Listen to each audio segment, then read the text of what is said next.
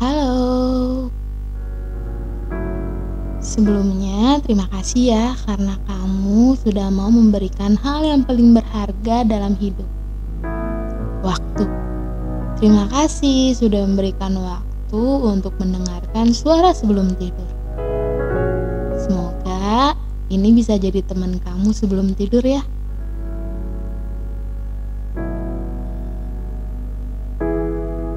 Selamat mendengarkan semuanya.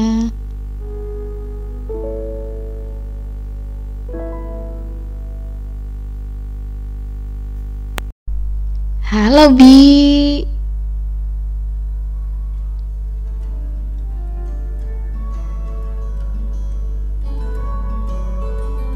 Oke, untuk semua kawan bincang malam ini gimana? Hari ini melelahkan, seru atau menyenangkan? malam ini kita ngobrol lagi yuk. So, malam ini aku nggak sendiri akan ngajak kalian berbincang, tapi aku akan ditemenin sama cowok. Bisa tebak siapa cowoknya? Kali ini datang dari kota Garut. Nah, malam ini dia bakal jadi teman kita sebelum tidur. Nggak akan lama-lama lagi, aku akan coba telepon. Halo, Oh, udah. musisi. Udah, udah, udah. Aku bingung manggilnya. Musisi jalanan. Musisi Musisi jalanan. jalanan. Panggil aja Bang Wilson. Oh, abang. Oke, abang. Nih, bentar. Perkenalkan Nah. nama saya Bung Wilson dan Apa? Jangan ditutup speakernya, bang. Oke. Eh, perkenalkan nama saya Bung Wilson dan Oke. ya, eh, umur 28 tahun. Oh, Oke, terus apa namanya? Eh, Wira swasta itu. kerjanya apa kerjanya? Wira. Usaha. Oh, wirausaha. Iya. Wirausaha apa nih, bang? usaha wirausaha bagian keuangan Eh, gi- gitu. apa? Koperasi. Ah, ah. Oh, punya sendiri. tapi nah, tapi dulunya tidak dulunya apa kan dia kerja kerja sekaligus pelayanan Mm-mm. apa namanya ke sininya ya udah aja usaha sendiri yang agak milik maju Nah, kalau untuk buka bank kan terlalu Hmm, kasih ya. amin. Nanti ya, amin. iya. Oh, mereka. oke. Hmm, koperasi Iya. di di kota, tinggal di kota mana nih? di Garut di Garut kota Oh. Garut Di Garut. Buka koperasi di kota Garut. Biasa usaha di sana kan kalau nggak dorok-dok kulit ya. Serba kulit gitu di sana. iya boleh Ini out of the box dari kotanya sendiri. Terus oke. Eh, jadi tadi kerja sebagai eh, apa? Yang punya koperasi ya. Yang punya koperasi Hmm, iya sambil pelayanan juga gitu. sambil pelayanan Eh, denger-denger nih dari Ko Firman, abang tuh musisi, musisinya Iya. dalam dalam bidang apa nih? oh genre maksudnya Ya, musisi itu kan ada Atau- pencipta lagu, bisa dibilang musisi, pemusik juga Oh. bisa dibilang musisi, gitaris segala macam. Nah, musisi ini kan jamak ya. Spesifiknya ke mana gitu? iya iya. kalau untuk sekarang sih untuk main musik doang kalau dulu pas di apa bantuin teman beberapa buat lagu sama bantuin beberapa aransemen lagu cuman dikit aja sih gitu. tapi lebih fokusnya sih main musik main musiknya ke fokusnya ke gitar Oh. Hmm, gitaris. Oke. Oke. Gitaris. gitaris kan namanya bener kan? Betul, betul. Nah, berarti kan eh, itu pelayanan di gereja aja atau memang kerja kerja ada apa ada sampingan dengan skill gitarisnya gitu? Kayak misalkan kalau Oh, kalau di gereja hmm, ini kita ngomongin gereja ya. Jadi sebenarnya yang dengar podcast ini Oke. umum. Jadi adanya suara sebelum tidur ini tuh bi- biar semua orang tuh yang malamnya suka overtong- overthinking. Nah, hmm, biasanya kan kalau malam tuh sering tuh hmm, apa kita jadi overthinking gitu. Nah, banyak pertanyaan-pertanyaan yang pasti muncul apalagi di umur-umur anak muda gitu dan eh, wadah ini tuh iya gitu. Dan wadah ini tuh eh, ingin menyediakan jawaban yang mungkin bisa jadi jawaban atas pertanyaan mereka semua gitu. Jadi eh, mau itu tentang agama, mau itu non agama, semua diobrolin gitu. Nah, tadi kepikiran sih eh, kan koperasi. Terus eh, apa? Jadi pemusik, jadi gitaris juga. Nah, banyak orang juga di gerejaku lah contohnya. Ada yang punya skill gitaris, pelayanan gitaris, ternyata dia pun mencari uang dari gitarnya itu, dari skillnya itu. Nah, abang sendiri kayak gitu kah? Atau eh, pure hanya untuk pelayanan main gitarnya? Oke. Kalau untuk musik sih eh, beberapa tahun ini memang fokusnya, terutama tahun ini sih baru apa ya? Fokusnya memang untuk layanan aja, nggak Hmm. lebih nggak untuk mencari nafkah di situ gitu. Hmm, Makanya eh, dari dulu sih kalau aku pribadi beranggapan musik itu ya untuk pelayanan, hmm, kalau untuk cari nafkah di hal yang lain gitu. hmm, oke. Hmm. Nah, eh, balik lagi nih ke pekerjaan. Kan gimana Iya. ya? Hmm, mungkin sering dengar juga ya kalau koperasi itu tuh salah satu hal yang kan minjemin uang nih ya bang ya Min- Iya, minjemin betul. uang dan Hal bunga sensitif lah iya ya gitu. iya iya itu gimana menyikapinya sedangkan abang pun salah satu orang Mm-mm. yang pelayanan aktif di gereja gitu Aku sebenarnya sewaktu pas menggumulkannya ini sih udah sekitar dua tahun. Mm-mm. I- Eh, jadi pada akhirnya aku tanya ke doktrin sih tentang Mm. doktrin ya. Mm-mm. Jadi eh, beberapa pendeta yang aku tanya Mm-mm. ada yang bilang boleh, ada yang bilang tidak boleh gitu loh. Mm-mm. Dan ada satu, dua, tiga, empat, empat orang yang aku tanya sih mereka secara argumen, secara argumen mereka alkitabiah juga gitu. Mm-mm. Iya, menurut hilang suaranya ya, kalau meminjamkan uang itu sulit sebenarnya yang halo? Iya oke ada. Halo oke. Mm. gini eh, ini lebih ke perspektif pribadiku ya. Oke.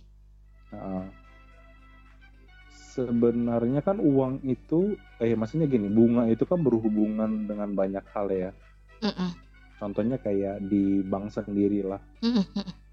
Heeh, karena dulu aku waktu pas kerja di bank aku juga sempat berpikir kayak kenapa orang mendiskreditkan tentang koperasi tapi tidak orang yang kerja di bank gitu Mm-mm. padahal sama aja sebenarnya pada iya yang yang di iya betul. Maksudnya gini aku berpikir apa yang salah itu caranya bunganya atau atau nasabah yang meminjam uang itu keterikatan akan kredit itu gitu loh. Mm, oke. Ada beberapa kasus yang aku lihat waktu pas kerja di bank dan juga kerja di koperasi Mm. memang ada ya kita pribadi ya contohnya kayak Shopee Pay Later ya. Oh ya iya. Itu kita itu kan ibaratnya kayak pinjaman juga gitu loh. Betul. Wow kenapa kenapa kenapa kita mendiskreditkan satu hal tapi tidak mengeneralisasi ke yang lainnya juga? Oke. Okay. gitu. Mm -mm. jadi aku pribadi mungkin secara pemahaman orang berbeda-beda mungkin kurang kurang discussion juga tentang ini mm -mm. gitu loh Make sense sih. Dan di Alkitab sendiri mm -mm. Uh, dan di Alkitab sendiri pun memang banyak tertulis yang nggak nggak boleh meminjamkan yang lain gitu. Mm -mm. Tapi waktu pas aku sharing dengan beberapa pendeta dan ada satu misionaris, mm. di uh, mereka baca di perjanjian lama pun juga yang di yang ini perkataan bukan satu orang ya. Mm -hmm. Oke. Okay dan dan tidak dan dan tidak waktu bersamaan juga. Mm -mm. Mereka bilang ada juga yang di perjanjian lama bilangnya ketika keluarga keluarga sendiri gitu loh. Mm -mm. Ketika keluarga sendiri meminjam membutuhkan ya jangan menaruh bunga atas itu gitu. Iya. Yeah. Mm -mm. Nah, dan juga juga di perjanjian lama yang bilangnya yang ketika Tuhan memulihkan bangsa Israel, Tuhan bilang engkau akan memberikan pinjaman-pinjaman kepada bangsa-bangsa gitu gitu jadi apa ya kayak pergumulan juga cuman semakin bertanya ke beberapa orang ya akhirnya terbuka gitu loh ya aku mm. juga sampai sekarang berdoa juga sih kalau mm. memang ini menjadi sebuah batu sandungan mm. Yang batu sandungan itu apanya gitu apakah mm. kan ada satu dua kasus yang kayak apa ya yang barangnya ditarik dan lainnya mm, iya, gitu. iya, iya. apa, apa apa bedanya dengan yang kayak di bank mm. uh, ya mungkin bedanya gini sih aku paham banget ya secara hukum ya mm. secara hukum bank itu kan diberikan hak untuk menjual yang diagunkan gitu loh mm -mm. Yeah. Sementara kalau kayak di koperasi di koperasi kan ada beberapa kejadian memang secara paksaan itu kayak diambil kayak gitu kayak gitu aku juga beberapa kali mendengar itu gitu mm -mm. Mm -mm. Uh, tapi kalau aku pribadi lebih ke misalnya solusi apa sih misalnya seseorang itu membutuhkan dana gitu ya mm. yang kayak ada beberapa pengusaha kulit gitu. Misalnya mereka cerita lagi butuh dana apa butuh kurang gaji karyawan dan lainnya uh, sebelum aku ngasih apa ngasih pinjaman gitu aku sedikit kepo tentang penghasilannya dia dulu gitu. Mm-hmm. gitu.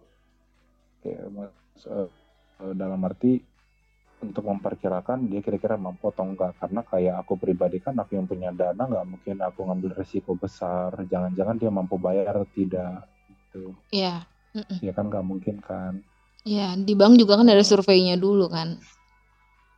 Betul, waktu pas di bank pun uh, ada survei. Setelah kita survei nanti dari kepalanya juga survei juga. Mm -mm. Mm -mm. Itu. Mm. Ya aku aku aku terima sih kalau dibilang bagaimana menyikapinya. Aku terima orang memandang aku jelek atau apa pun itu gitu. Mm. Tapi aku aku dengan percaya diri sih menganggap itu semua sebab apa ya pengingat untuk aku supaya aku jangan jangan jadi orang yang berbeda gitu loh atau yang jadi orang yang money oriented atau orang hmm. yang orang yang keras jadinya gitu. Hmm. Iya iya. iya. Karena memang ada beberapa kejadian keras kayak gitu. Iya, apalagi image-nya orang Batak ya. Udah tergambar kayak gitu gitu. Batak Iya. pasti iya. kalau orang Batak ditanya kerjaan pasti kalau jawabannya ketuk pintu, nyita segala macam gitu kan yang kayak gitu udah image-nya orang iya. Batak tuh udah jelek aja gitu. Jadi pasti betul, bakal betul. bakal lebih bukan hanya gereja jadinya kan gitu. Banyak orang hmm. jadinya akan ngomong kayak gitu bukan hanya di dalam gereja doang gitu. Hmm. Iya. Nah, eh aku coba nyikapin ya Bang ya. Eh, tadi apa sih hmm. yang abang tuh bilang uh, apa bedanya sama bank sama Shopee Pay Later yang kayak gitu kan uh, iya ada juga yang bilang gini kalau udah tahu salah kenapa masih dilakuin gitu jadi kayak e, lu tahu titik salahnya tuh nggak boleh meminjamkan uang apalagi membungakan kalau misalkan lu Hmm. tahu itu salah tapi lu masih melakukan dengan cara mengcompare dengan yang lain itu kayak eh, udah tahu salah kok masih dilakuin gitu loh yang kayak gitu menyikapinya gimana Oke. bang? Karena bagi aku nggak salah soalnya. Oh, karena karena kalau secara karena aku nanya konfirmasi secara doktrin ya. Maksudnya maksudnya bu- yang aku bilang tadi yang empat orang yang aku tanya tadi itu kan Hmm, mereka bilang itu nggak sesuatu yang salah gitu. Tapi yang salah itu caranya. Cara secara yang keras, yang apa pun itu gitu. hmm, Ya misalnya nggak mampu bayar langsung diambil barang-barangnya hmm. gitu. Kalau kalau aku lebih lebih ke pasrah kali ya. Serius? Kalau ada yang nggak mau bayar, Seriusan? pasrah. Iya, kayak ya ya mau gimana lagi gitu. Kalau ini ini aku mau Iya, tanya kalau- operasinya udah berapa tahun jalan? Udah setahun. Masih jalan sampai sekarang kan berarti? Malah meningkat. Oh, oh. Eh, Maksudnya- Oke. Heeh.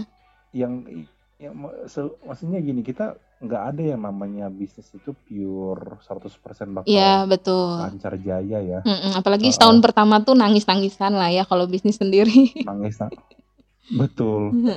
Ma- Maksudnya aku aku ngelihatnya memang banyak kerugiannya tapi oh maksudnya aku kan basicnya juga anak ekonomi ya Oke. heeh. Uh, jadi eh, ada hitungannya sendiri ya udah kalau memang nanti ini ini macet ya diganti dengan yang lain gitu.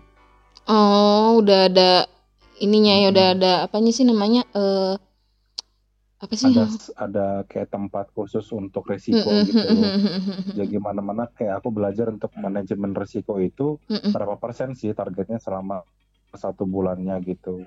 Hmm. Jadi iya. kalau ada yang mampet itu di eh, maksudnya ya kan pasti nggak mau dong semuanya mampet gitu ya. Dari sekian pasti. banyak yang jadi nasabah ada nggak 10 persennya yang mampet? Kalau targetku, targetku pribadi itu itu hitungannya kan yang macet kan PL kayak gitu sekitar 5 sampai 10 persen Mm-mm.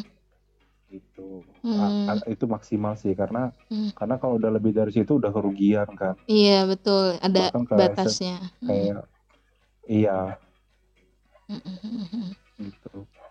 Nah Ya maksimal Hmm. target 5 persen sih per Oh. bulannya. per bulan. Mm. Oh.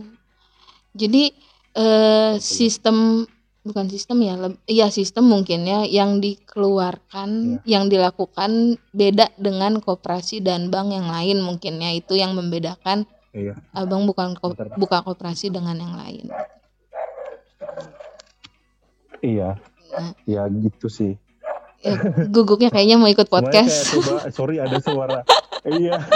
Sorry. ya nggak apa-apa nggak apa-apa santai. Oke.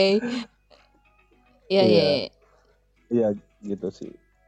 Eh, Hmm. sebenarnya memang kalau dibilang apa coba menggabungkan beberapa hal pengalaman sih sama hitung-hitungan yang ada gitu. Ya kalau memang kira-kira Tuhan berkehendak yang berbeda ya silahkan aja sih ya Hmm. coba untuk mengeraskan hati untuk Mm, mm, perubahan dan perubahan gitu. Ya ya ya. Ke Next pertanyaan mungkin ya soal tadi kooperasi mungkin ya perspektif Hmm. orang tuh beda-beda liatnya gitu dan enggak enggak perlu Iya. juga kita kasih tahu satu-satu orang gitu kan capek juga ya. Jadi intinya Capek sih eh, eh, intinya mungkin kayak ya kalau memang ini salah Tuhan pasti berhentiin kok gitu. Iya, aku selalu percaya gitu sih. Maksudnya Mm-mm. sampai sekarang pun aku anggap ini benar. Mm-mm. Tapi kalau maksudnya kalau Tuhan untuk membuka opportunity yang lain Mm-mm. ya aku welcome gitu dan Iya. sampai sekarang pun aku coba untuk buka beberapa hal juga Mm-mm. ya masih berproses sih beberapa persen nanti ya di pertengahan tahun ada ada hal-hal yang baru gitu yang dikerjain Wow. Ya, Wow. kalau memang Tuhan kasih eh, eh, kalau Mm-mm. memang Tuhan kasih kesempatan yang lain kenapa kenapa kita harus meraskan hati kan dan aku Betul. percaya Roh Kudus itu lemah lembut gitu Betul. betul, betul, betul. Setuju, setuju, setuju. Nah, eh mungkin nanya ke pribadi mungkin ya, Bang. nggak apa-apa ya. Apa apa apa Eh, kalau ini kan dari tadi tadi sih perkenalan namanya ada Damaniknya kan. Etnis Batak berarti kan. Memang. Ah, betul. Nah, Eh, memang tinggal dari kecil di Garut atau perantau? Perantau sih. Oh, perantau. Jadi udah berapa lama merantau ke Garut? Kenapa Garut sih? kayaknya lebih ke Bandung, kayaknya lebih oke gitu. Kenapa Garut? Eh, eh, dulu kan selama 17 tahun di Sumatera Utara ya. Mm-mm, Oke.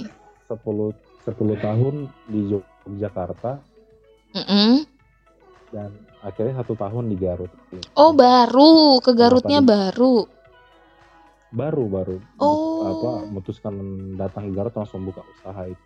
Oh. Kan kenapa di Garut? Karena ada keluarga di Garut. Oh, oke, tinggal sama keluarga. Eh, iya, ada abang abang abang kandung gitu. oh, Sama abang sepupu ada dua orang. eh, oke oke. Di Jakarta kuliah atau kerja? Jogja di Yogyakarta. Oh Jogja. Oh my God. Kenapa Garut? Iya. Kenapa nggak diem di Jogja? Ya ampun. Jogja terlalu nyaman sih. Nah itu. Emang- mereka. Emang salah hidup dalam kenyamanan? Yang salah gajinya. Tapi kan di Garut, di Garut juga nggak ya. digaji. Di Garut juga nggak digaji kan? Iya, Buka- tapi Hmm. ya namanya iya sih, ya namanya usaha sendiri kan capek-capek sendiri gitu ya. Iya, iya. Tapi yang Hmm. jadi permasalahan kayak di Garut, eh di Jogja kemarin itu. Kayak banyak pergumulan lah, banyak pergumulan. Di sana juga kerja kok waktu di sana kerja di bank. Eh, terus apa kul- kuliah dulu, terus Mm-mm. kuliah, ya kerja di bank, terus apa namanya? Aktif di pelayanan, aktif di pelayanan mahasiswa juga dari Mm-mm. mahasiswa sampai kerja juga aktif, Mm-mm. Mm. aktif di gereja dan kampus juga pada saat itu juga gitu. Mm. Jadi kayaknya dulu aku selalu merasa oh iya nih aku di dunia pelayanan panggil aku panggilan aku di pelayanan gitu. Tapi selama dua tahun tiga tahun ini bahkan corona ini kayak ada nilai positifnya banget ke aku gitu. Mm. Apa tuh? Uh, jadi nilai positifnya itu kayak akhirnya aku sadari betul sebenarnya potensi panggilan gitu ke mana gitu loh. Mm. Mm-mm. Pas ada corona ya Karena panggilan merasa- itu jelas. Oh iya betul, betul banget.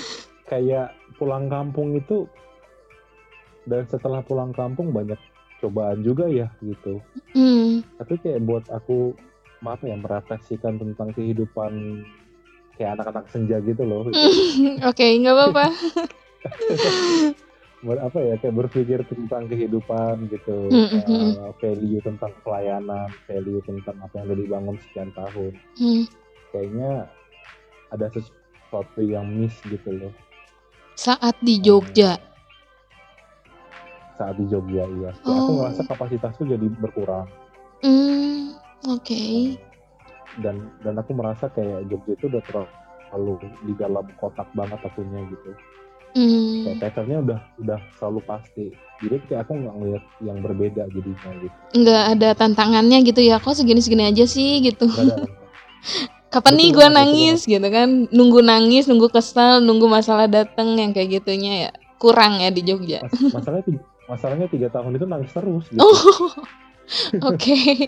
Jadi pas ke Garut udah nggak nangis. nangisnya beda kan? Oh. nangisnya karena usaha kan Oh, oke. Kenapa? eh, hmm, kayaknya ya kalau orang ditanya tentang kota, pasti rata-rata jawabnya ya kalau nggak Jogja malah Bandung. Jadi ketika di ketika tadi dengar dari Jogja ke Garut, wah kenapa harus tinggalin Jogja untuk Garut? nggak nggak ini sih. Mungkin mungkin ini kali ya pasarnya di Garut lebih mem- lebih ada mungkin dibanding di Jogja ya. iya dan apa ya sebenarnya sama sih ya aku Mm-mm. di Jogja juga beberapa aktivitas kan ada juga gitu ya Mm-mm, dan kenal juga beberapa orang mm-mm. Eh, nggak tahu sih aku selalu ngerasa di satu tahun dua tahun sebelum keluar dari Jogja tuh kayak pengen keluar aja dari Jogja gitu Hmm. Ya ya aku, aku merasa kayak aku udah nggak udah nggak cocok lagi di di, di kota itu Mm, mm, nggak tahu mm, mm. kayak terlalu banyak hal yang sakit ya gitu mungkin ya Hmm, ya ya ya paham sih paham paham. Iya, Iya. pernah sih aku juga ngerasain di dunia Jadi kerja kalau- kayak gitu. Mm, Oh, oh, kalau orang bilang setiap sebut Jogja itu adalah romansa atau kenangan gitu mm, mm. kenangannya yang lebih banyak yang pahitnya dua tahun terakhir gitu Oke. Eh, romansa romansanya tentang pasangan nih kayaknya nih dua tahun terakhir di Jogja. Hmm, bukan bukan bukan Oh bukan, lebih oke. ke panggilan sih Oh, lebih ke identitas diri tau lah apa kayak kalau sebutan apa sebutan anak gaul itu kayak quarter life crisis gitu. hmm, oke oke. Itu sampai umur 30 tahun itu masih berlaku sih kayaknya. Quarter Iya, crisis betul tuh. sih. Iya sampai umur 30 tahun tuh quarter life crisis tuh masih dialamin. Startnya di umur 20 25. 25 ke 30 tuh 25 tuh mm. wah itu luar biasa aku ya. merasa kehidupan ini Iya. Abang enak masih dua tahun lagi nih, bentar lagi. Santai. oh iya dua tahun lagi Waduh, umurnya Terus eh, udah itu apa Iya. lagi tuh 50 50 life crisis gitu enggak sih kayaknya kalau life crisis sampai kita mati baru selesai deh itu life crisisnya. Oh iya iya. Life crisis ya. Iya, kayaknya kalau masih bernafas krisis mulu ya. Kayaknya masalah juga iya. datangnya giliran gitu kayak kayak ntar kita di umur sekian ada masalah baru ada masalah baru kayaknya selalu baru ya. Masalahnya selalu baru sih. Iya makanya aku gitu nggak terlalu percaya dengan mengkotak-kotakan masalah sih. Kayaknya masalah itu terus aja kayak kayak corona ini kayak ada evolusi evolusi yang baru gitu loh. Iya bener. Karena ya selama masih hidup ya masalahnya tetap ada dan akan selalu ada. Kecuali kalau misalkan minta masalahnya udah nggak ada mati. Gitu aja sih. Ya kalau mati kan masalahnya masalahnya cuma satu surga atau neraka. Itu kan udah terlambat tuh. juga. udah terlambat tuh. Mati pun Iya. itu udah terlambat gitu. Jadi ya kalau mau masalah selesai mati. Itu itu untuk para teman-teman ya yang pengen masalahnya selesai boleh dari sekarang. Mati dong.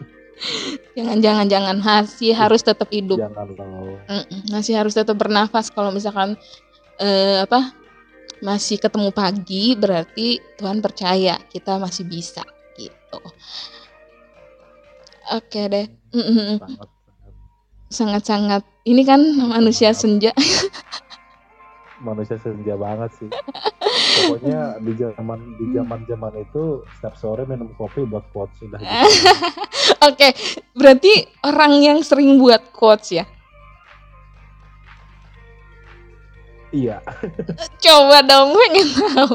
Coba dong keluarin Aduh, mm, sulit quotesnya. sumpah. Mm, tentang biasanya sih kehidupan quotesnya kayak kayak, kayak gimana ya? Kayak kita nggak bisa ngambil semua omongan cuma satu omongan doang yang kita bisa ambil omongan firman Tuhan doang. Mm, gimana gimana nggak mudeng kadang karena gini agak sulit sih Mm. buat quotes itu nggak nggak nggak kayak satu menit dua menit Iya, iya, I know, I know, I know. Tapi kan ini berar kalau dulu sering buat quotes berarti bisa dong sekarang satu aja dibacain quotes yang udah pernah dibuat. Waduh, ujian. Suruh siapa ngaku. Jadi aku tantang. Ayo bacain dah. ya sebenarnya quotesnya quotes yang nggak nggak nggak di sini di buku di Jogja quotesnya semua Lah, jadi bukunya soal- ditinggal. soal Jogja itu aku hal soal Jogja itu banyak udah aku buangin sumpah Satu aja yang paling diinget dah. Satu aja nggak banyak-banyak mintanya. honestly satu tahun ini aku nggak pernah buat Hmm, oke. Sekarang dikasih Apa challenge ya.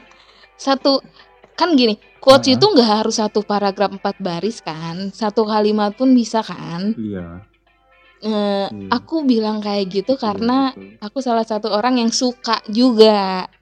Jadi para pendengarku juga udah tahu kalau aku juga suka Waduh. bikin quotes. Makanya ini harus ditantang nih, udah ngaku suka bikin quotes. Aku kasih tantangan gini. Aku kasih Waduh, tantangan. Biasanya nih aku dapat tantangan dari teman-temanku gitu kan. Kalau misalkan aku lagi gabut pengen bikin Iya. quotes, teman-teman apa? Tantangan yang muncul adalah tiga kata random terus lu bikin kalimat itu. Tentang eh yang tiga kata ini masuk ke kalimat itu tapi eh, ya itu jadiin satu quotes gitu dengan tiga kata ini gitu. wah Contoh.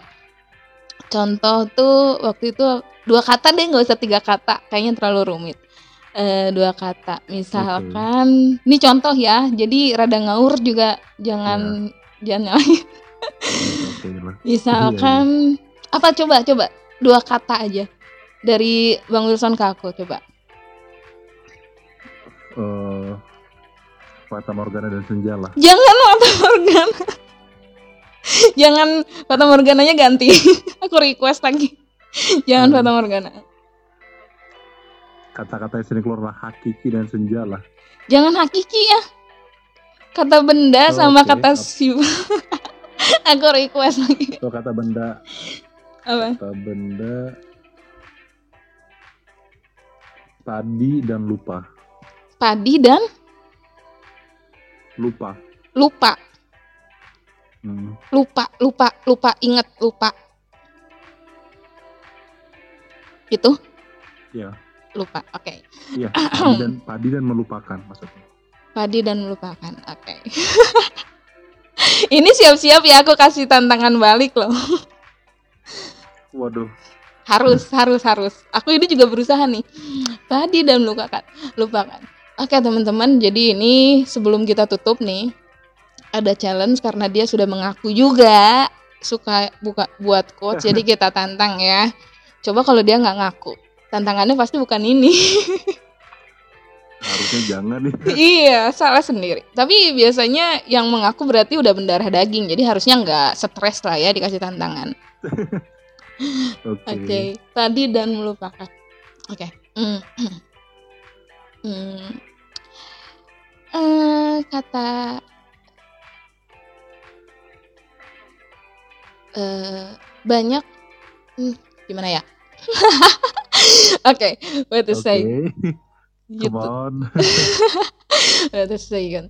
Eh aduh, nggak ada lagi kepikiran.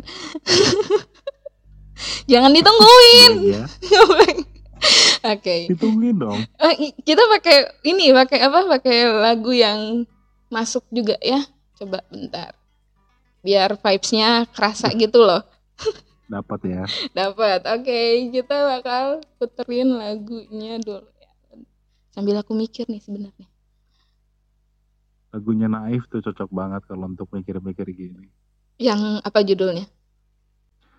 Yang baru booming sekarang jikalau jika kau cinta. Itu mah lagu Judika. Enggak jikalau Naif. Ini aja deh instrumennya. Hmm ya masalah nggak masalah. Oke siap-siap ya bang ya. Ini aku lagi mikir dulu. Oke. Tadi dan lupakan oke dapat. Oke Satu, dua, tiga. Kok aku deg-degan ya? Kan aku yang ngasih tantangan, kenapa aku yang deg-degan sih? Oke. perihal melupakan adalah hal yang paling gampang untuk dilakukan banyak orang. Tapi sebuah padi gak akan pernah melupakan apa yang udah dia lalui ketika dia sudah terisi dengan beras. Oke, okay, thank you. Nice. Oke, okay, sekarang giliran aku. Oke. Okay. Oke. Okay. Hmm, siap-siap okay. bang. Sebenarnya itu ngaco sih. Oke, okay, tuh ya. Mm, yep. Jendela. Uh -huh. Jendela dan Oh ya, di balik di balik. Balik eh udah deh ini deh. Balik jendela. Eh jangan deh. Ulang-ulang. Mm. jendela dengan malam. Oke. Okay. tapi bentar. Malam.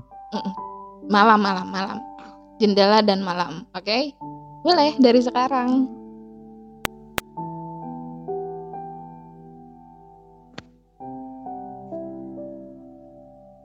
Bang jangan tidur bang. Oke. Oke. Oke udah. Oke langsung. Uh kenapa aku jadi gemeter?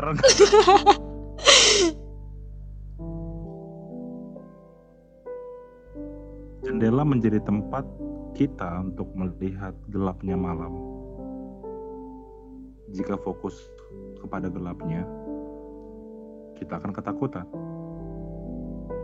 Tapi jika melihat indahnya, Sanubarum Sanubahri melihat jutaan harapan seperti bintang di dalam di malam hari. Itu ya Oke. Okay. Siap. keren keren keren keren keren. Boleh nih. Uh, thank you. uh, mm, pernah publish quotes quotesnya nggak? Pernah publish ke sosmed nggak? Semua uh, quotes yang pernah dibuat? Instagram doang sih tapi kayak di story doang udah selesai gitu oke okay. nggak apa-apa uh, kayaknya dunia perlu tahu tentang quotes itu bukan karena uh, biar mereka tahu siapa penulisnya tapi ada banyak hal yang orang tuh nggak bisa ngomong nggak bisa ungkapin karena mereka nggak bisa pilih kata jadi ketika kita keluarin quotes itu kadang itu malah yang ada di pikiran mereka dan mereka jadi kayak yang oh iya dia ngerti. Oh iya ini maksudnya. Oh iya. Kadang banyak manusia nggak ngerti kenapa gua tuh kenapa gitu. Jadi kalau aku sih percaya ya sampai sekarang ketika aku dapetin quotes aku selalu share itu untuk apa? Bukan untuk mereka tahu siapa penulisnya enggak tapi uh, ada kata yang mungkin bisa mewakili apa yang mereka bingungkan gitu sih kalau aku. Jadi uh, biasanya orang-orang yang penuh kata-kata quotes biasanya orang-orang yang penuh dengan retakan dalam hati sih. Habis ini konseling ya untuk remuk hati. Oke deh. Oke, jadi uh, itu mungkin jadi penutupan sesi kali ini. Semoga nggak kapok ya bang ya untuk ngisi suara sebelum tidur. Dan iya dan semoga di lain kesempatan kita bisa nemenin teman-teman yang mendengarkan juga bisa nemenin mereka lewat cerita kehidupan lewat quote dan segala macam mungkin nanti lain kesempatan jika diizinkan. Dan mm, thank you banget udah ngisi suara Thank you udah mau datang gabung sama kita di suara sebelum tidur. Dan untuk teman-teman semua, uh, thank you banget udah dengerin ini, udah mau ditemenin sama kita sebelum tidur. Apa pun yang kalian dapetin, nilai apa pun yang kalian bisa ambil, thank you udah ambil itu, tapi jangan sampai berhenti di kalian ya dukungan kalian adalah berupa kalian membagikan apa yang kalian dapat dari sini. Gitu. So hmm, malam dan jendela. Mungkin ini sebagai penutup. Sekali lagi thank you ya bang Wilson udah mau ngisi nemenin sebelum tidur. Ini sebagai penutup dan sampai jumpa di lain waktu ya. Dan ini quotes dari aku. Aku kepikiran sih tadi malam dan jendela. Untuk para teman-teman suara sebelum tidur kawan bincang malam di balik jendela aku mau mengucapkan selamat malam pagi. Sampai jumpa.